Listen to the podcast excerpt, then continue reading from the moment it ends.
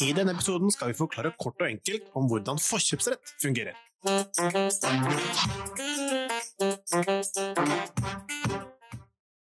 Da er det tilbake til meglerhverdag med Hans Christian Espenes. Jeg heter Kristoffer Ingebretsen. I dag så skal vi snakke om, eller eh, tittelen i dag, 'Dette må du vite om forkjøpsrett'. Mm.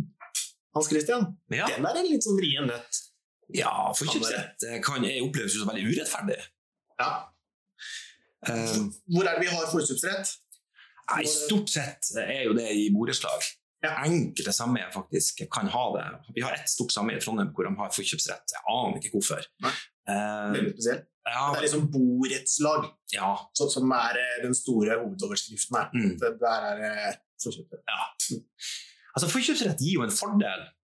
eh, kan gi en fordel til beboere eller medlemmer av et bestemt borettslag eller boligbyggelag.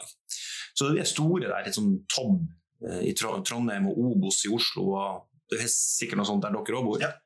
Boligbyggelag. Og da har man jo et medlemskap som faktisk kan gå i arv i familien. Eh, og det medlemsnummeret da eh, gir en prioritering i forbindelse med forkjøpsrett. Så forkjøpsrett er jo egentlig Og det her, nå skal jeg svare på noen av de spørsmålene som ofte dukker opp. fordi at forkjøpsrett er jo å tre inn i en eksisterende avtale. Men den som har kjøpt den først, har kjøpt den eh, har, har egentlig ikke kjøpt den helt. Nei. For den, For, for det, det er jo den misforståelsen. Det er jo en helt vanlig budrunde, som alle andre salg. ja. Og du får budaksept, du får en melding av megleren. 'Hei, ditt bud er akseptert', Mm. og du har fått boligen. Mm. Men det er jo nå det skjer noe etterpå. Ja. Så blir det satt på vent, ikke sant? Det blir satt på vent. Ja. Og så er det da et spørsmål, om en henvendelse da på en måte ut til de i borettslaget eller boligbyggelaget og sier at, eh, fortell meg at du, nå har denne eiendommen gått til 2790, er det noen andre som har lyst til å kjøpe den til den prisen? Og så får de da fem eller ti dager eller 15 dager eller hva det er, på å si eh, ja, jeg tar den. Mm. Og da kan ikke den som har kjøpt den si at ja, men da byr jeg 100 000 mer. For det toget gikk ved budaksept. Så det er den endelige spikra avtalen som eventuelt må prøves da i borettslaget. Og de får da en, en forkjøpsrett, så det heter da. Man får, mulighet til å gå foran den, den som faktisk har kjøpt den, og, og gå inn og så overta som kjøper. Men hvorfor er det forkjøpsrett? Hvor kommer det fra? Det er, en, det er jo en fordel av å være med i det her boligbyggelaget. Mm. Så det er jo det det kommer av, at det skal være en medlemsfordel, rett og slett. Det er bare et medlemskap man betaler en gang i året eller måned eller et eller annet nå. Ja, absolutt. Ja da. Og, og det er jo det er klart det er fordel å ta en bolig på forkjøpsrett, fordi at du trenger ikke å være med i budrunden. Nei. Sånn at hvis du har, tenk at du, det er to interessenter på en leilighet, en som ikke er medlem, og en som er medlem. Og den som er medlem, er jo ikke så dum at han går inn i budrunden med den andre. For Hvis prisantydningen er 2790 og det er en budgiver, så blir det jo maks 2790 vanligvis. da. Mm. Eh, Men hvis du da blir 28, han 2850 og 29 og så 3, Så, så tar du forkjøpsbrudd uansett. ja, ikke sant? Men, men, men du må også bruke hodet der.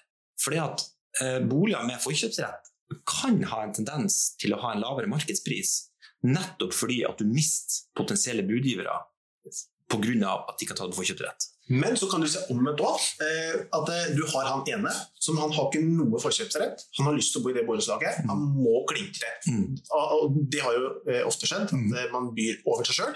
Hvis man er en god megler, så får man til det. Mm. Og jeg har faktisk hatt noen som har takka meg for at de bydde 100 000 over. Ja. Tusen takk, det her ville vi ha. For jeg visste at den på forkjøpsrett på andre sida, Mm. den hadde ikke så mye finansiering. Så, så ga jeg litt sånn hint om det. At du nå klinker dere til 100 000 til nå. Mm. Nå kan jeg ikke garantere, jeg er nesten sikker på at dere får bolig. Og det der er jo det, Ja, det å by mot seg sjøl er jo vanskelig. Ja da, men du byr jo egentlig mot en forkjøpsrett. Ja, det gjør det. Ja, det så det er den du byr mot. Nei, det er jo som du sier, Hvis det er to på visning, og, og du ringer den ene budgiveren på morgenen, eller interessenten om morgenen, så sier han jeg skal ikke legge en bud, jeg skal ha på forkjøpsrett. Og så sier han andre, en andre interessent da ja, altså, Du skal jo ikke se bort ifra at dette er en eiendom som kan bli tatt på forkjøpsrett. Og det er klart, dess lavere prisen er, dess mer attraktiv er den å bli tatt med forkjøpsrett. Eh, og der har vi mange eksempler på at noen har bydd over seg sjøl, nettopp for å slippe å miste med forkjøpsrett. Hvem er det som har forkjøpsrett?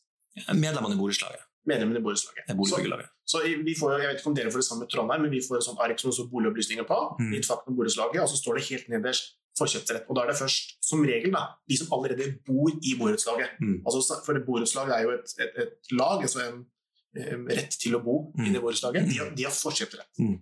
Og så kommer de øvrige medlemmene, de som går over alt annet. Altså, de kan bo hvor som helst annet sted i byen. Ja, men det med borettslag er jo Du har jo noen som er tilknyttet et boligbyggelag. Mm. men du har også frittstående borettslag.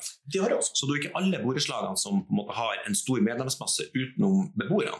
Og så er det jo noen, noen eh, borettslag som har likelydende leiligheter. Sånn at Sjansen for at en som bor i en treroms skal flytte til en annen treroms, er jo ikke spesielt stor, gitt at det ikke er ekstremt god beliggenhet eller veldig god standard. At noen har lyst til å erstatte den triste førsteetasjen som ser rett ut i veien mot en topp uh, som, som har utsikt over havet. For det kan jo skje. Det kan skje. For Vi har jo også forkjøpsrett som blir avgjort etter salget, og forkjøpsrett før salget. Mm. Kan du fortelle litt forskjellen? Ja, altså Noen borettslag har jo forhåndsprøving av forkjøpsrett. Og det vil si at Man går på forhånd og forteller at nå skal denne leiligheten selges, men vi vet jo ikke til hvilken pris ennå.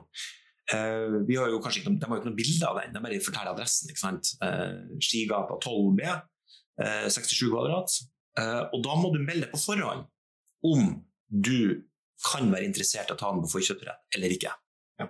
Og det er kun de som har meldt seg på forhånd, som kan ta den bruk forkjøpsretten. Så fra ei liste med alle medlemmene i borettslaget eller boligbyggelaget, så kokes den ned til ei, ei, ei kundeliste som får et eksklusivt tilbud. Kanskje to-tre stykker. Ja. Men de ser jo ikke den her på Finn, for det er som regel der de ser den. Men den kommer jo på hjemmesiden til boligbyggelaget som regel, hvis det er et tilknyttet boligbyggelag. Mm.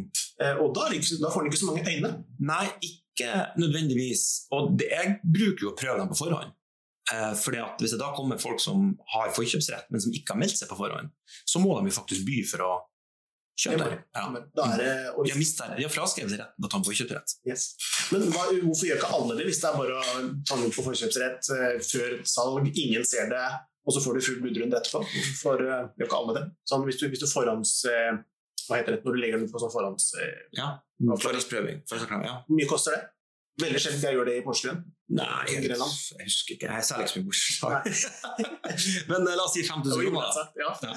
Mm. Mm. Nei, og så er det jo også noe med tida, vet du. For det kan jo være at du får et oppdrag som skal selges til høsten.